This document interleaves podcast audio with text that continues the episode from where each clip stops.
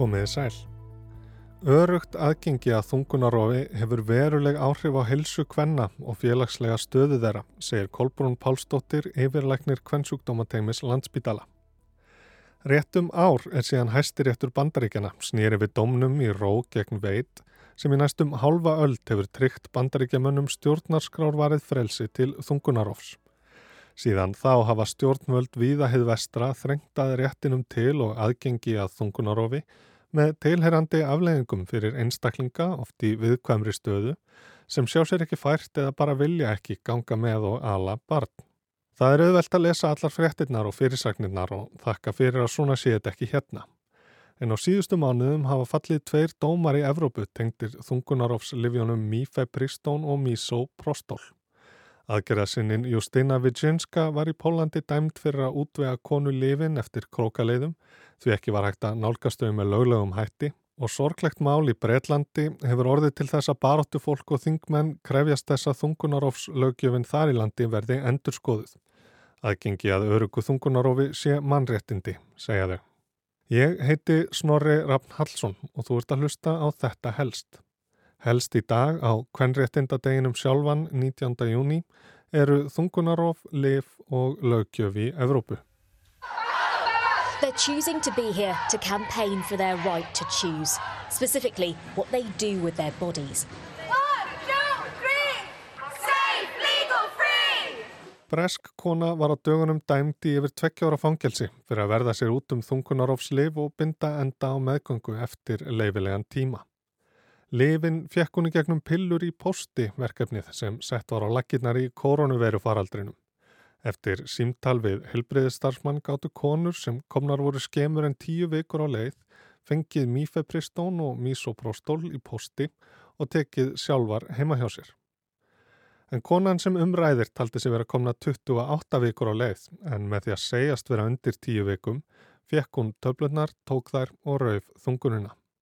Rannsókn lækna liti svo í ljósa líklega hefðu 32 til 34 vikur verið liðnar af meðgöngunni.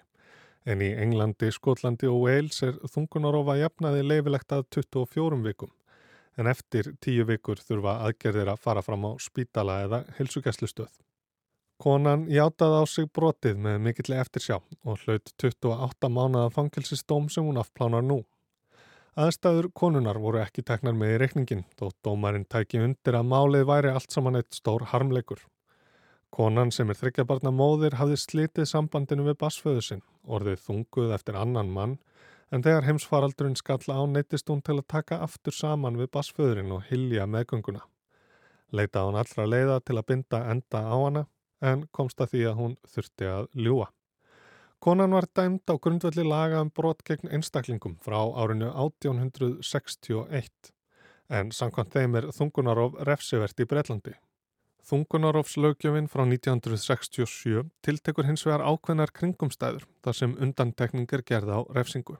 Þungunarof er því á sama tíma óskup venjuleg helbreyðistjónusta sem ein af hverjum þremur breskum konum nýtir sér einhver tíman á lífsleiðinni en um leið glæpur í eðli sínu. Þó lögjöfin virki í flestum tilfellum telja aðgerða sinnar og nokkrir þingmenn breska þingsins hana forneskjulega. Það sé sláandi að henni sé beitt til að refsa konum í viðkvæmri stöðu sem þessari og því sé nöðsynlegt að taka lögjöfina í gegn. Fyrsta skrefið sé að afglæpavæða þungunarof. Afglæpavæðing myndi ekki endilega þýða að þungunarof eftir 24 vikur á meðgöngu verði heimilað en það myndi vernda konur í slíkri stöðu, forða þeim frá málsókn. Borið hefur á fleiri tilfellum í Englandi og Wales þar sem lögreglan rannsakar konur fyrir ólögleg þungunarof eftir fósturmissi. Árið 2021 sætti til að mynda 15 ára ung stúlka árs langri rannsókn þar sem skilaboð hennar og leitarsaga á netinu voru skoðuð ítalega en málið var látið falla niður þegar í ljós koma fósturlátið var af náttúrulegum orsökum. to be able to decide for ourselves whether or not we have a baby. Every child needs to be wanted. People think that we've got a lot more rights here than we actually do. Um dóminn sem nú fjall sæði Mandú Rít formaður Kvenna Jafnréttis flokksins þessi sakfelling þjónar engum, ekki henni, ekki börnunum hennar, ekki almanahagsmunum. Það eina sem hún gerir er að refsa konu sem leitaði helbreyðistjónustu í miðjum heimsfaraldri og fælir konur sem vilja eða þurfa þungunarof í framtíðinni frá því að leita sér aðstúðar. Engin á skilið að verða glæpamaður fyrir að leita sér helbreyðistjónustu sem er mannréttindi. Ekki er langt síðan svipað mál kom upp í Pólandi þar sem þungunarof er einungis leifilegt sér líf eða hilsa móðurinnar í hættu eða þungunun sé til komin vegna nöðkunar eða sifjaspels. Statt og stöðugt hefur verið þrengt að réttindum kvenna frá því flokkurinn lög og réttlæti tók við völdum 2015. Þannig var aðgerðasinnin Justina Viginska í mars dæmd í áttamánuða samfélagsstjónustu. Til draugmálsins eru þau að kona að nafni Anja var gift manni sem beitt hana ofbeldi og saman áttu þau þryggjára gamlan són. Þegar Anja varð ólétt aftur vildi hún fara í þungunarof og ráðgerði að halda til Þískalands til að sækja þá þjónustu sem henni stóð ekki til bóða í heimalandinu. Egin maðurinn hótaði þá að tilkynna hana fyrir mannrán fær hún með són þeirra á landi. Anja setti sér því í samband við samtök sem aðstóða pólskar konur í aðstæðum sem þessum og í gegnum alþjóðlegt net þungunarofsaktivista útvegaði Justina Önju þungunarofsleif. Egin maðurinn komst að þessu og tilkynnti Justinu til lauruglu og var hún handtekinn, ákjærð og sakveld fyrir aðstóð við þungunarof.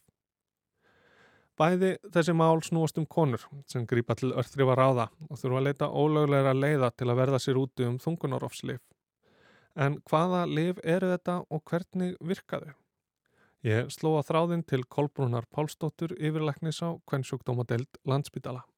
Það er annars vegar að það heitir Mifepriston sem er þá gefið sem fyrsta lif og það lif virkar til þess að mót, eiginlega eins og mótverka prókisturinn áhrif. Prókisturinn er náttúrulegt kvennhormón sem að undirbí leiði fyrir að taka móti frjókuð ekki í venjulegum tíðarheng og Mifepriston er sem sagt blokkarar móttakana, hérna, prókisturinn móttakana og lætur henni leiði byrja undirbúið sig undir að hafa blæðingar, að losa sig við legslímuna e, og veldur svona eins og, hvað maður segja, bæði æða, útvíkun og kemur á stað smá samdráttum í leiðinu.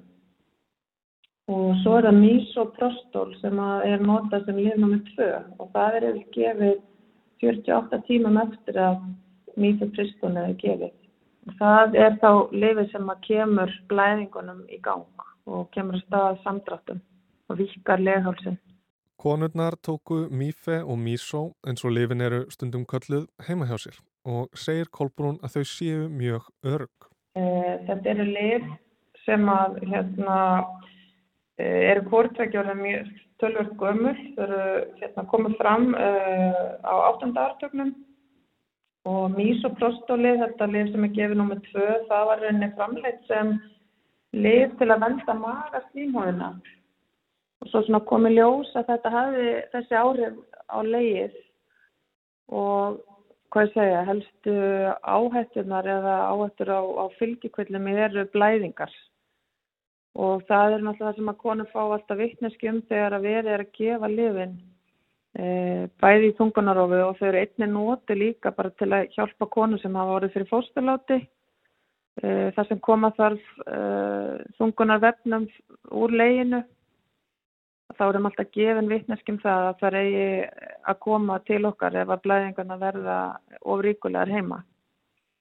En þungunar eru framkvæmt hér á Íslandi eh, í rauninni þannig að það er fá töfluna hér hjá okkur fyrstu töfluna og svo fá þær með sem ísopróstólið heim og gera og þá í rauninni er þar heima. Eh, og fá blæðingarnar heima nema að blæðingarnar verði ofríkulegra verkinir og miklir. Og það er rauninni vinnureglan allavega upp til viku nýju frá með viku nýju viljum við gætnan hafa þér hér hjá okkur og fylgjast með blæðingunum millir viku nýju og tólf og einni eftir viku tólf. Það er bara af því að þetta er svona aðeins meira mál. Samkvæmt tungunar á slögunum að þá er hefur kona sem óska þess uh, hún á rétt að fá þungun sem að rofna fram að, við, fram að 20. annar veiku þungunar. Hvaða þættir eru mikilvægastir til að tryggja öryggi og velferð þungara sem vilja binda enda á meðgönguna? Auðvitað aðgengi er náttúrulega bara nummer 1 og 3 og þetta sé gert uh, með aðstof þeirra sem að geta uh, staðfest að þungunin sé í leginu, nummer 1, 2 og 3. Hérna, hættan liggur því að ef að konur fara að taka lifin og það er ekki búið að staðfest að þungunin sé á réttum stað í leginu, þá er ákveðin hættan til staðar að það getur komið mikla blæðingafylgi gullar inn í kviðin og eins þegar það er lítið aðgengja lifjanum þá fara konur að leita sér annar að leiða. Uh, og þá hand, kannski lenda oft í uh, höndum þeirra sem ekki kunna með hvorki með lifin að fara eða, eða með uh, skurðmeðferna heldur. Því það er hægt að gera þungunar líka með, með útskafi og leginu. Hvernig hefur lögjöfun breyst hér á landi? Það voru stóra breytingar fyrir nokkrum árum síðan.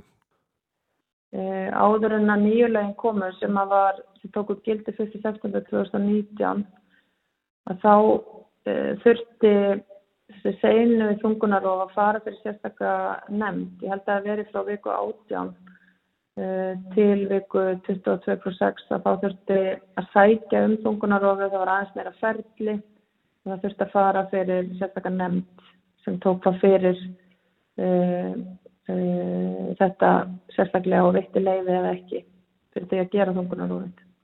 En nú er þetta bara að óskonunar alveg fram að viku 22.6. Það tekið mér skipt fram að fram til loka viku 22 uh, þá á kona sem óskar þess rétt á að fá þungur sína rofna. En það er líka sagt að þungunróf skal læti framkvæmt eins fljótt og auðið er og þá helst fyrir viku, lok viku 12 Uh, og það er náttúrulega kannski líka gert til að höfa því að uh, fylgjikvillarnir og hérna, þetta er einfaldara í framkvæmd og einfaldara fyrir kona líka uh, þeim er fyrst sem þetta er gert en þetta er ekki með neinum hætti refsivert hér á Íslandi og ekki ólöglegt heldur þetta er alveg fullkonlega löglegt fram til loka viku 22 Í lögum um þungunarof er vísa til 14. greinar laga um helbreyðistarsmenn en þar segir að helbreyðistarsmanni sé heimilt að skorast undan störfum sem stangast á við trúarlega eða siðfærileg viðþorfans en það sé tryggt að sjúklingur fái nöðsynlega helbreyðistjónustu. Kolbrún segist ekki vita til þess að reynt hafi á þetta hér á landi. Uh, ég hef ekki neinn dæmi hérðan frá, frá jú, minnistarðsemi og ég veit ekki til þess að það hafi verið eitthvað mál því tengt hérlandis.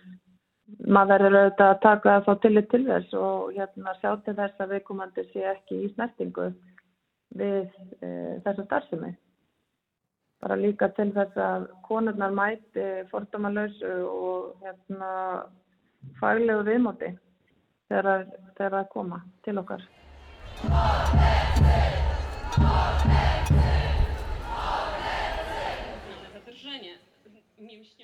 Hættið að drep okkur, kölluðu mótmælendur víða um Póland að kvöldi 15. júni. Nokkrum dögum áður hafði umbóðsmaður sjúklinga í Pólandi komist að því að starfsfólk sjúkrahúsins í Novi Targ í söður hlutalandsins hefði geta bjargað lífi hennar 33 ára gömlu Dorotu Lalik með því að framkama þungunarof, en ekki gert það og Dorota Lalik lést.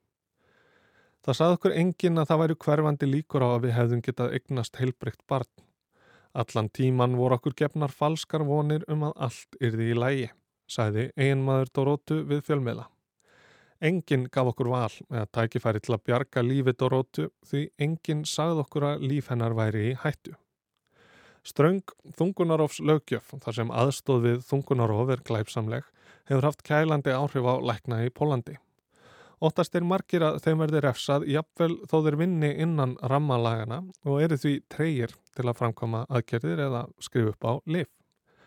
En svo sæði áðan er þungunarof lift þegar líf eða hilsa móður er í hættu. En geri læknar aðgerðið að gefi lif og síðar kemur í ljós að það hefði verið hægt að komast hjá því geta þeir átt alltaf þryggjára fangilsisvist yfir höfði sér. Sankvæmt ofinberum tölum verið þungunarofi í Pólandi um 2000 ári, tvefalt fleiri en hér á landi þó íbúarnir séu 38 miljónir, hundrasinnum fleiri en við. En þegar þungunarofi verið bönnuð að gengi að þeim skert og réttur til þeirra lítill fara þau einfallega bara eitthvað annað, undir yfirborðið eða út fyrir landsteinana. Áætlað er að raunverulegur fjöldi sé í kringum 200.000 og mörg leggja upp í löngferðalög með miklum tilkostnaði til að sækja þjónustu í Þískalandi, Austuríki, Tjekklandi og Hollandi sem dæmi þar sem hinn ímsu samtök veita þeim aðstóð. Og enn önnur verða sér úti um Mífe og Mísó, þungunarofslifin, en hafa ekki aðgangað umsjón eða eftirliti.